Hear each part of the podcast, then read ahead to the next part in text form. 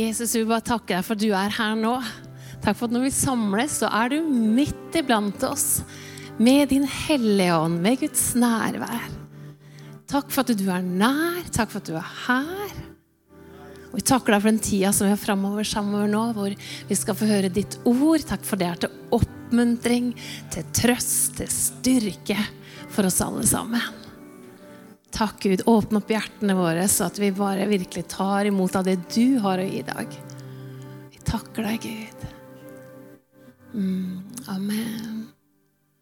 Du kan få sette deg ned. Veldig fint å se dere alle sammen, altså. Oi, oi, oi.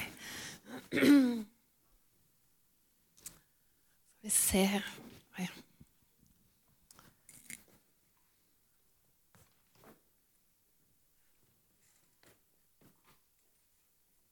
Skjønner så ikke jeg tråkker på den. Det hadde gjort seg. Da vi fikk eh, barn nummer to, Theodor som nå er tolv år, så kjente vi på behovet for et litt større hus. For det var ganske så lite, det som vi bodde i. Så når jeg gikk trilleturer i nabolaget, så drømte jeg meg litt bort da, og kikka på huset. Å, det var fint, og der var det fint. Og ja, der ville jeg kanskje gjort litt sånn. Og så drømte jeg meg litt bort, og så lot jeg drømmene mine bli til bønner. Så når jeg kom hjem, så tenkte jeg Gud, hmm, Gud, jeg ber om et større hus. Så at begge barna kan få hvert sitt rom, og at vi får en stue som rommer hele familien samtidig. Om en hage. Og så alt det jeg ønska, så bare la jeg det fram for Gud i bønn. Og fant fram Bibelen min og begynte å bla. Bla og bla og bla. Gud, hva sier du, da? Om min situasjon? Hva sier du om sånn som, sånne, holdt jeg på å si, trivielle ting? Sånn som hus? Hva sier du om det? Og så kombinerte jeg liksom de to tinga. Det som Gud sier i Bibelen, og det som lå på hjertet etter å finge meg. Og så formet jeg det til bønner. Så når jeg gikk da trilleturene mine rundt omkring i nabolaget og på Bjørntvedt, så ba jeg også Gud, jeg ber om et hus som har det og det og det. Og det. Og jeg takker deg for Bibelen som sier det og det og det. og det. Så gikk jeg rundt da og trilla og takka og trilla og takka. Og så gikk jeg opp i Bjørnhullveien, og da var det mange fine hus. Og så gikk jeg Gråbjørnveien, og da var det mange fine hus. Så går jeg forbi nummer tolv, og så tenkte jeg åh, det der kunne jeg tenkt meg. Noe sånt noe, Gud. Det hadde passa veldig fint. Det likte jeg godt. Triller jeg videre, og så triller jeg hjem. Og i dagene og ukene og månedene som følger, så fortsetter jeg med å takke Gud for at han hører bønn, og jeg ber bønnene mine. Og jeg siterer noen vers av hva han har lovt. Og noen par år, tenker jeg, seinere så flytter vi inn i Gråbjørnveien 12. Er det noen som har lyst til å høre om bønn i dag? ja. Vet du, bønn er Det er undervurdert, altså. Det er så mye mer enn det vi, enn det vi har fått smaken på. Vi har fått kanskje noen sånne smaksprøver, men så er det liksom bare kjempemåltid. Det er, det er så masse, det er så stort. Det er så mye spennende man kan dykke inn i og få være med på. Og jeg husker Det var en forkynner som sa noe sånt, og så skrev det i en eller annen bok. Jeg husker ikke helt hvem, kanskje noen av dere husker det. Men han sa at det, det virker som om Gud ikke kan gjøre så mye på jorda hvis ikke folket hans ber han om det. Hmm, tenker, en interessant tanke. Med andre ord at Guds ønske det er å gå litt sånn arm i arm med oss. At vi er partnere. Og det han vil gjøre på jorda, det vil han gjøre gjennom oss. Vi får være med på moroa, skjønner du? For ingenting er jo så gøy å kunne være med på en løsning. Har du noen ganger lagt et stort sånn puslespill på Ok, Noen som har lagt et puslespill på 1000 brikker? Ja! Ok, Noen høyere. no... jeg skal ikke gå ned til dere som stoppa på 250. Nei, nei. Noen som har prøvd 1500? Ja. Noen som har prøvd seg på 2000? Ja! Å, det er veldig, veldig gøy. Følelsen av å få den der brikka på plass bare, ah, Der satt den. For man leiter ganske lenge da, når det er 2000 brikker. Den er stor. Følelsen av å legge den siste brikka på plass. Hei, hei, hei, puslespillbrikkeleggere, er dere med meg? Nei da. Skal vi danne en egen klubb her? Du kan se for deg den derre du er en del av løsningen. Sånn er det med dine bønner. Noen ganger tenker du nei, det skjer ikke noe. Jo, du satte på plass brikke nummer 378 og 379 og 300, hva ble det? 380. Ikke sant? Du er med i den store sammenhengen her. Dine bønner er viktige. Og Jakob han sa det sånn at et rettferdig menneskes bønn har stor kraft og virkning. Ikke la oss se ned på bønn og tenke at ja Nei, nei, nei. Det har stor kraft og virkning. Og bønn i det store og det hele, en sånn stor paraply da, som dekker liksom alt av bønn, det kan vi kanskje si er kommunikasjon. Bønn er lik kommunikasjon. Men så er det sånn at det, Eller er det ikke sånn, for jeg stiller spørsmålet, at det, er det ikke sånn at alle relasjoner der må det ligge en kommunikasjon i bunn. At det er på en måte grunnlaget vårt for en relasjon. Kommunikasjon, er det ikke sånn? Jo, sånn er det med forholdet ditt og mitt til Gud også. Grunnlaget vårt for, for liksom den relasjonen her, det er kommunikasjon. Så kan vi få lære oss det ok, Gud, hva sier du? Hvordan kjennes det ut når du er i nærheten? Hvordan hører jeg fra deg? Hvordan gir du meg tanker? Hvordan gir du meg ord? Hvordan skal jeg ordlegge meg? Ikke sant? Så kan man finne ut av det, og det er en veldig, veldig god vandring å gå. Og når man er sammen med Gud, kommuniserer med Han i bønn, så har vi kristne et stort privilegium. Og vet du hva det er? Det er at vi kan be for andre mennesker. Det er en ære å få være med på å legge den puslespillbrikka midt i liksom hele det store bildet her. Men hvis du er som meg, og vi ber for vennene våre, vi ber for familien vår, vi ber for menigheten vår, behov som vi hører om, og så løfter vi det opp til Gud i bønn. Og hvis du er som meg, så kan du kanskje finne det litt krevende til tider. Og i dag så skal jeg snakke om tre farer som man kan møte på da, når man er en forbeder. Det er det vi kaller det, å være en forbeder. Um, for man, det, er på en måte et sånn langt løp, gjerne. Noen ganger skjer det mirakler. Det er veldig kult når det er sånn, siste brikka på plass. Andre ganger så er man med. Det, er en lengre vei å gå, og man må be, og man må be, og man må be. Og den første faren, vet du hva det er? det er at den glemmer det. Ops! Glemme ja, Ingen håndsopprekning tar vi akkurat nå. Det er jo at vi glemmer det bort. Ikke sant? Hvis noen sier 'Å, kan du be for meg?' Ja! Og så begynner man på den vandringa. Begynner å be. Og så går nå dagene, da. Og så går ukene, da. Og så, og så er det kanskje litt sånn at eh, når ikke du møter personen så ofte, så er det litt sånn ute av syne, ute av sinn. Og så blir det borte. Og eh, Flere av dere kjenner sikkert til forfatteren C.S. Lewis. Han har skrevet 'Narnia' og flere bøker. Levde sånn i begynnelsen av 1900-tallet. Og han skrev en satirisk roman som het 'The Screwtape Letters'. Jeg har ikke lest den boka, men jeg hørte en forkynner som siterte, tok noen sitater fra den boka. Og Den, den fikk litt oppmerksomheten min, for jeg tenkte 'hæ?! Den var, den var spesiell for det, det han har gjort. C.S. Lewis han har da skrevet i den boka det er 31 brev fra en erfaren djevel til nevøen hans. En ung djevel som er sånn up and coming. ikke sant? Så, skjønner du? Jeg, jeg, aner ikke om jeg kan anbefale den boka, altså. men mye av det andre han har sagt, har vært bra. da. Men så var det eh, han forkynneren som fortalte liksom kort om det. Han fletta det inn i talen sin. Og han, han eh, det her er et sånt muntlig sitat fra den boka. Der står det da The junior, junior devil says, Remind me what the plan is. The senior devil says, Our plan is very simple, and that is just to create so much noise in the world that man can no longer hear the voice of his God. Uh. Vet du, når vi blir så opptatte av alle livets gjøremål, så hører vi ikke engang Guds egen stemme. Stemmen til vår egen Gud blir borte. Det blir vanskelig. Det blir for mye støy rundt.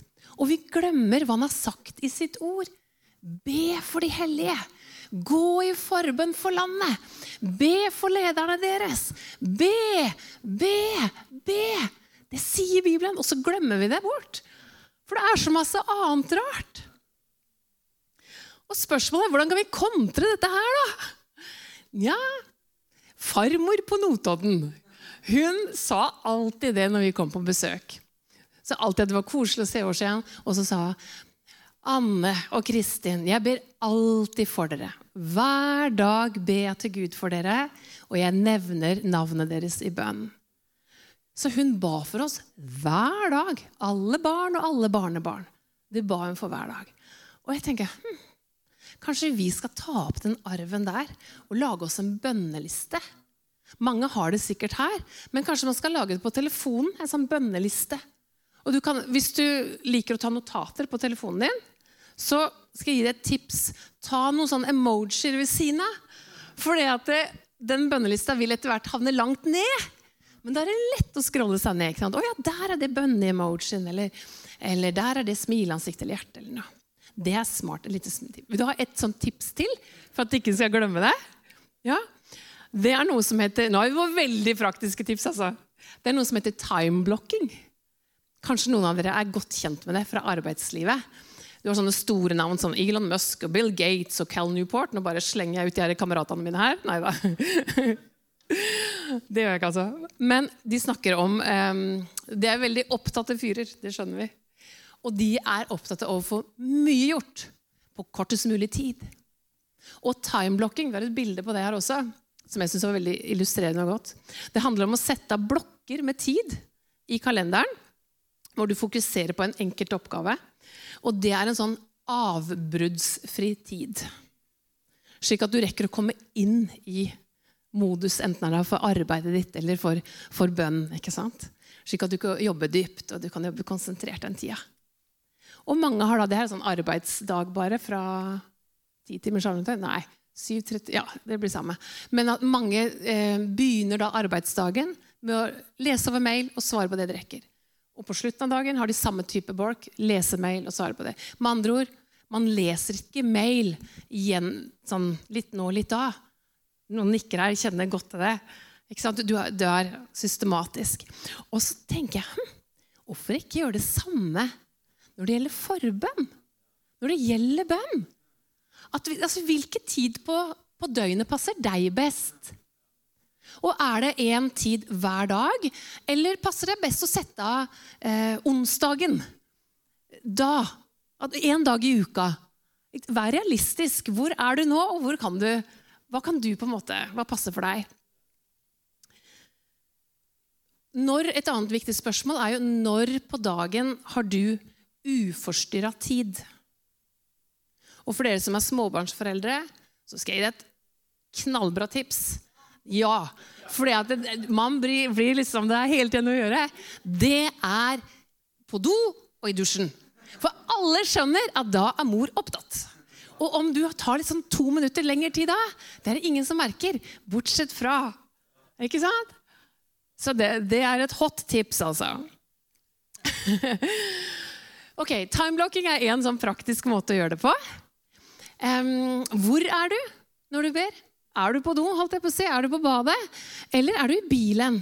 Kjører du til jobb, eller går du på vei til skolen? Når på dagen har du litt sånn uforstyrra tid at du kan finne fram bønnelista di og be?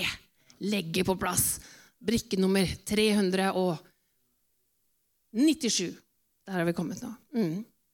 Og i tillegg da, så har vi Helligånd. Han er sånn, står ved siden av oss. Han kan hviske et ord eller et navn inn i tankene dine. Så kanskje du kommer på et navn i løpet av dagen. Og da, da tar du det der og da. Gud, velsign den og den. Jeg ber om at din vilje skal skje med den og den i dag. Så har du liksom bare noen sekunder tar du det, og så har du lagt på plass enda en brikke. Fare nummer to, det er litt i samme gata, men det er at man stopper opp. Fordi at det, Hvis en sammenligner liksom det å be da, at liksom du, du, tar imot et bønneemne, og så begynner man å be. Man skal gå denne lengden, man skal gå det her løpet og be. Og plutselig kan man komme litt sånn Hva skal jeg si nå? Hva skal jeg be nå? Eh, det jeg har tenkt å be nå, det ba jeg i går. Og jeg ba egentlig akkurat det samme i forgårs og uka før der. Jeg sier det samme. Jeg tror jo ikke at Gud er døv, og jeg tror ikke at han har glemt meg. Skjønner du? Så man stopper litt opp. Hva, hva, hva mer skal jeg si? Er du med? Hva skal jeg si? La oss snu på det spørsmålet istedenfor å eh, si eh, Hva skal jeg si? Hva sier Gud? Det får deg videre. Jeg tror hvis du sier det Gud sier, så kan du få se det han sa. Og det å bli kjent med Bibelen Finn fram sånne markertusjer og tegn i vei. Bruk den boka her. Og Skriv notater, ringe rundt. for Da er det lett å bla opp igjen. Skriv bønn ved siden av der hvor det handla om bønn, så at du lett kan gå tilbake. Det er en arbeidsbok. Når den er full, kjøper du heller en ny en. Les Bibelen og finn løfter. Hvis du står i en situasjon nå som du tenker jeg vet jo ikke hva Gud sier om dette. for det, det, De hadde ikke bil hvis det var noe med bilen din. da. De hadde ikke bil eh, på denne tiden. Da kan du google eh, bønn.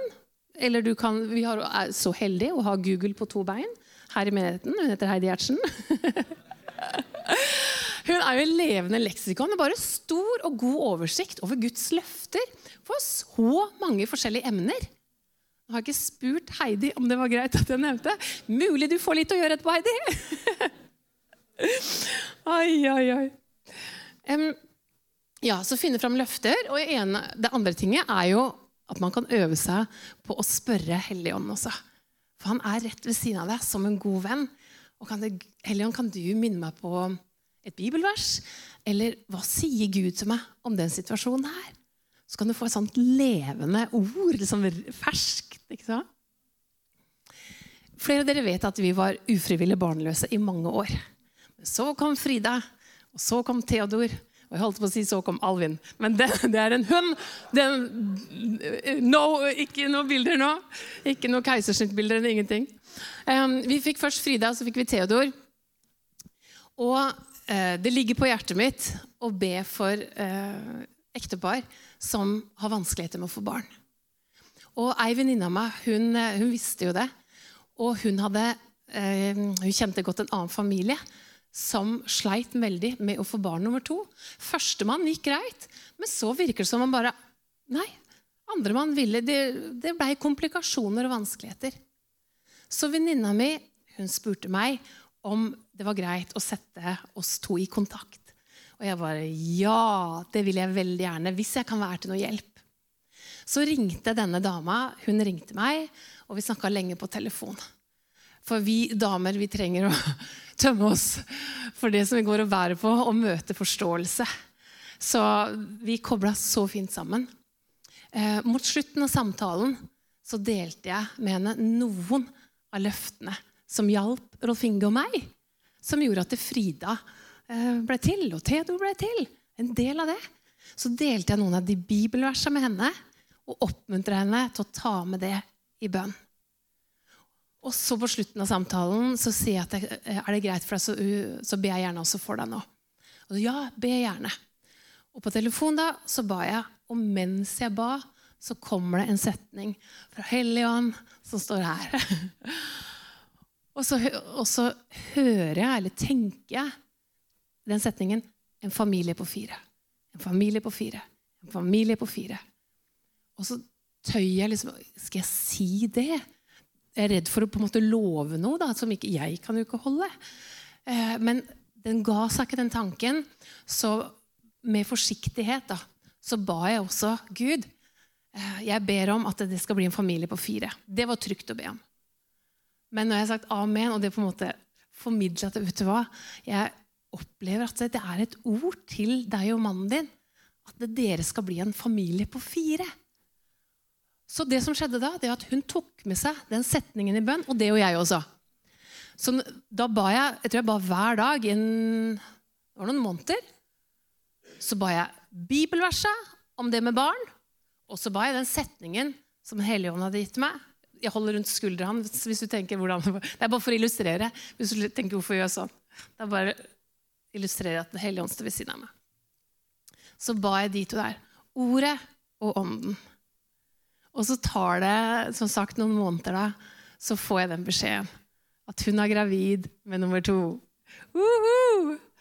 Ja, det er fantastisk! Så de er jo en familie på fire. Men jeg visste også, det så sa jeg på telefonen, at det, men det at jeg tror dere blir en familie på fire, det vil ikke si at ikke dere kan bli en familie på fem.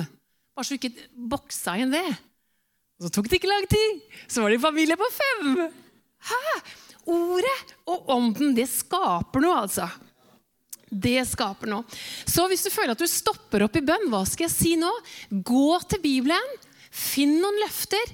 Det er effektive bønner som virkelig får deg videre på den veien du skal gå videre. Og det er kjempespennende, altså. Skal vi se. Ordet er eh, Ja, det må jeg også si. Jeg vil si litt om hvorfor må jeg akkurat bruke bibelvers. Og da snakker jeg om at du kan sitere det. altså. Helt sånn ord etter ord etter ord etter ord. Så kan du sitere det. Hvorfor det? Og det vil jeg gjerne si litt om. Jo, fordi Guds ord er skapende. Tenk etter hvordan skapte Gud verden? Gud sa bli lys. Gud sa. Gud sa. Så det er noe ved ord som på en måte kan være sånn pakka inn med sånn gudsnærvær. Pakka inn med Gud. Som gjør at det skaper det som det er sendt for. Så når du taler Guds ord ut, så skjer det noe. Akkurat sånne nøkkelord som bare begynner å låse opp situasjoner. Vi skal lese i Salme 103, vers 20. Det gir oss også et svar på hva skjer når vi ber og bruker Guds ord. Salme 103, vers 20, der står det. Velsign Herren, dere hans engler, dere sterke helter som lydige setter hans ord i verk. Engler adlyder Guds ord. Så når du ber til Gud, så gir Gud befaling til sine engler om å sette hans ord i verk. Og jeg skulle ønske jeg kunne sett det med disse øynene. Det hadde vært spennende. Og det er en mann, da. Det fins flere som har sett det. altså. Men det står om en mann i Bibelen som heter Daniel. Samme som han som døpte seg i dag. I Daniel kapittel 10 der står det hvordan eh, Daniel ba for folket sitt. Og etter tre uker i bønn Han hadde sånn time-blocking, by the way. Han ba flere ganger i løpet av dagen. Han var forut for sin tid. Ellers er det vi som ligger litt etter. Um, kapittel 10, vers 12, så står det Så sa engelen til meg, vær ikke redd, Daniel, for fra den første dagen Fra den første dagen, fra det du begynte å be Fra den første dagen du viet ditt hjerte til å vinne innsikt og til å ydmyke deg for din Gud, er ordene dine blitt hørt. Gud hører deg fra første strofe. Og på grunn av ordene dine har jeg kommet. Så forteller engelen om de her tre ukene, de 21 dagene, hvordan han måtte kjempe en sånn åndelig kamp på vei fra Gud til jorda for å komme gjennom med et budskap fra Gud som handla om nasjonen som Daniel var en del av. Eh, så det ene er Guds ord. Det er levende, det låser opp nøkler. Det andre det er at det setter engler i sving. Og det tredje det er at når du taler ut Guds ord, så har det en sånn bumerangeffekt igjen. For det gjør noe med hjertet ditt. Visste du det? Troen kommer av forkynnelsen, sto det i Romerne 10. Så ved å, å forkynne selv, da, for å tale ut Guds ord selv, så kommer tro i eget hjerte. Det er jo superpraktisk. Så vi ønsker at du skal komme her hver søndag og høre forkynnelse. Men i tillegg så kan du drive og forkynne for deg sjøl. Og lese høyt hva som Bibelen sier. Så vokser troen i hjertet ditt. Og den troen, den trenger vi når vi må liksom kjempe disse kampene i bønn. Når det, når det virker som at ah, du stanger mot en vegg. Gud, vi vil se gjennombrudd her. Vi vil se din vilje skje her. Det er da du tar Guds ord. på alvor, og så bruker du Guds ord i bønn. Og så har du tro i hjertet ditt.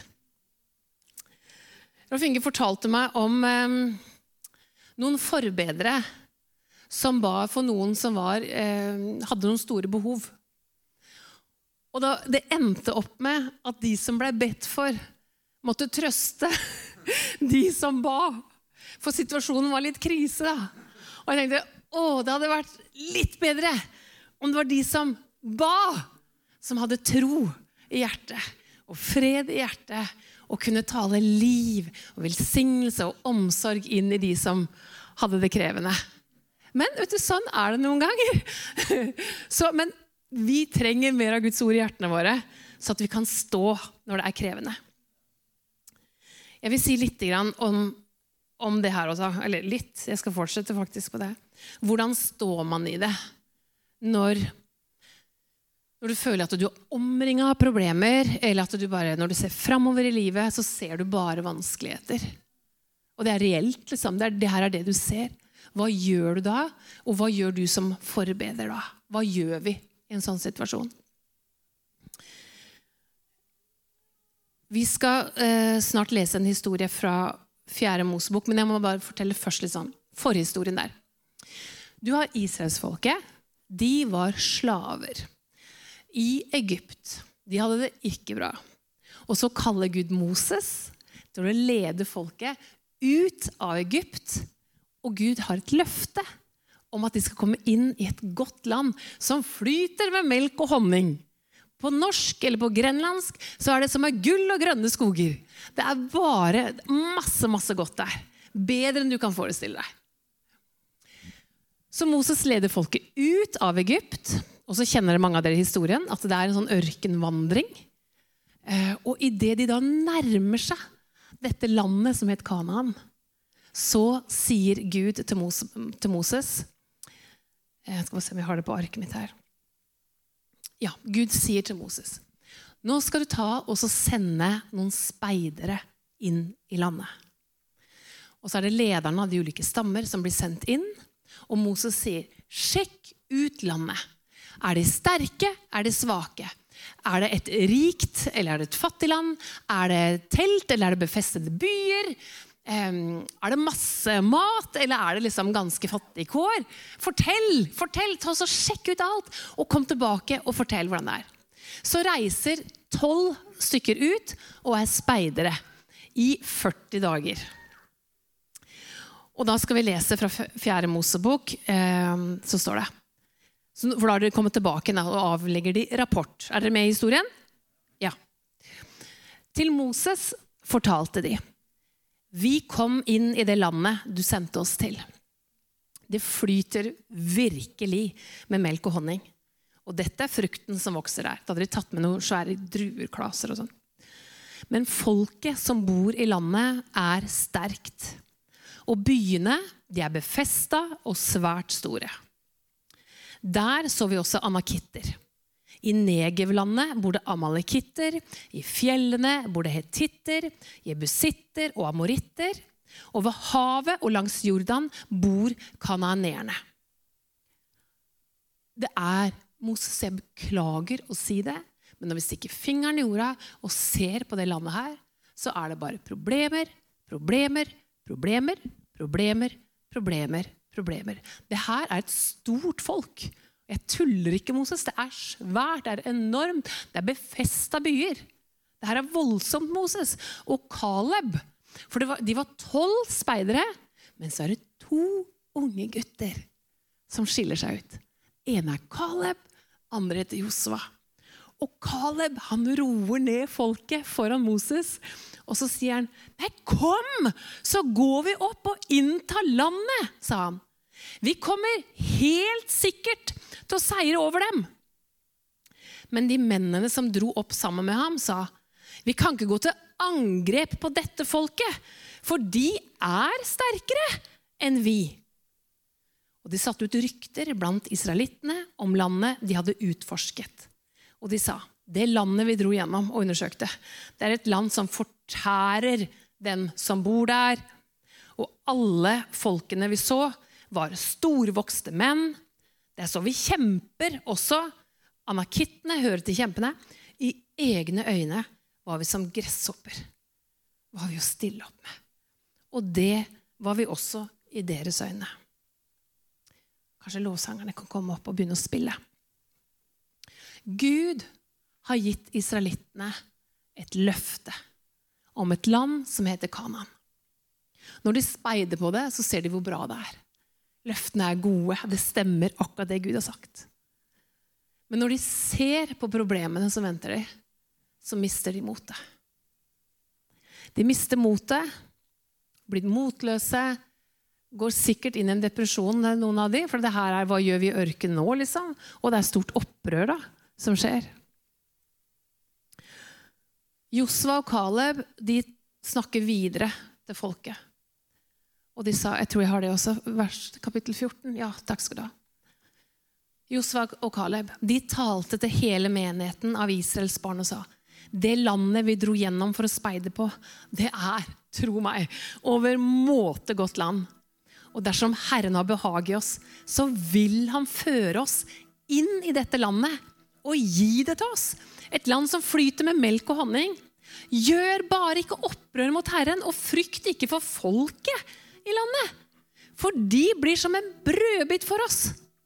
Deres vern har veket fra dem, og Herren er med oss. Frykt ikke for dem. Det var ikke sånn at Josva og Caleb ikke så problemene. Mm -mm. Tvert imot. De hadde jo utspeida og granska problemet. Så det her var ikke noe blind tro. De så problemene, men midt i det så hadde de en tro på Gud. Så hadde de en tro på Guds løfter.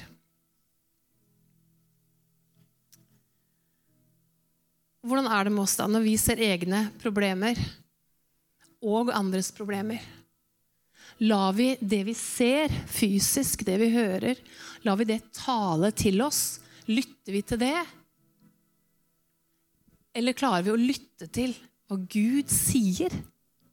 Og lytte til hva Han sier midt i den situasjonen man står i? Hvem lytter vi mest til? Og vi skal ikke benekte, vi skal ikke fornekte det vi ser. Men midt i det så kan vi tråkke inn i forbønn med Guds løfter. Og vite at det her er meget effektive bønner å be, som endrer ting.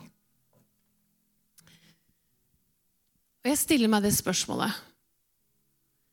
To unge menn, Josva og Caleb, de skiller seg så veldig ut Når alle andre blir motløse og nedfor, bekymra og de er redde, da. Fryktsomme.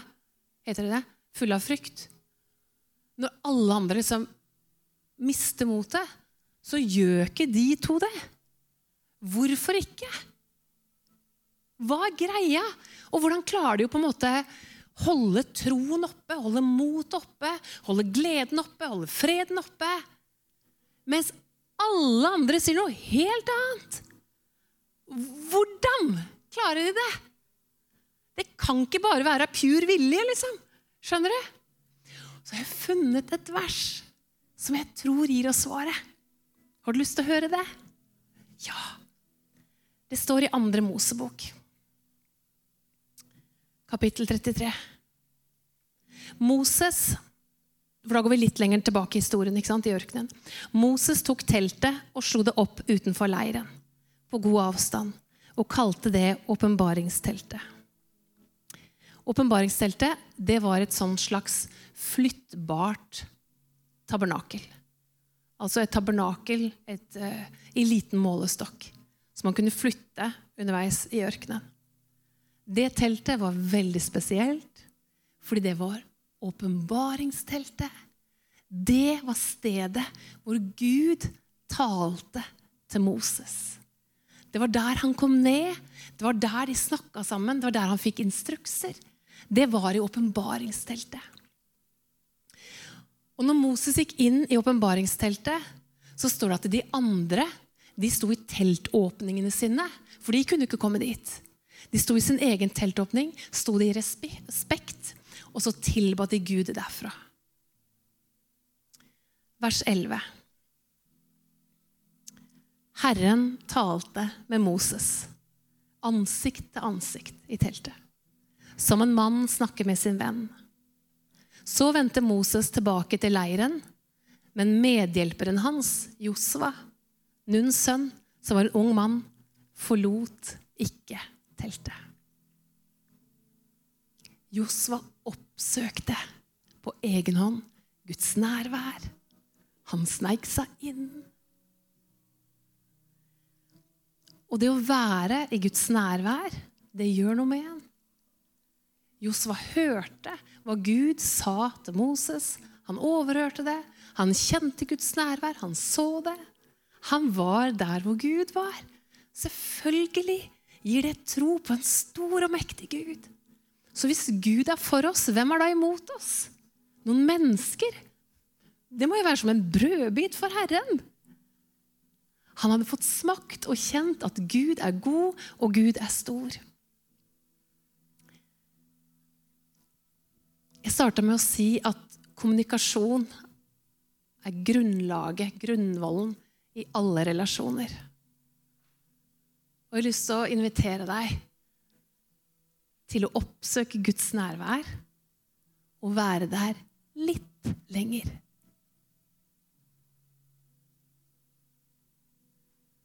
Du kan få være som Josva. Oppsøke Guds nærvær. Være der. Få oppleve hans storhet. Øve deg på å høre hva han sier. Øve deg på å kjenne. Hvordan kjennes det ut å være i nærheten av en levende Gud? Og de opplevelsene du har der, og det det gjør med deg der, det vil gi deg tro slik at ingenting er umulig for den som tror. For du har sett Gud, og du har talt med Gud ansikt til ansikt. Og den troen bærer du med deg i forbønn. Når du ber for vennene dine, når du ber for familien din, når du ber for menigheten, ber for landet, ber for byen. Den troen. I Hebrebrevet 6, vers 12, så står det så nydelig oppsummert. Ved tro og tålmodighet så arvet de løftene. Det samme gjelder deg og meg. Ved tro og tålmodighet så blir puslespillet ferdig. Vi kan legge masse puslespill i livet, altså. Billedlig talt, vil du merke. Og så vil du få oppleve Guds ord er sant. Han står ved det han sier.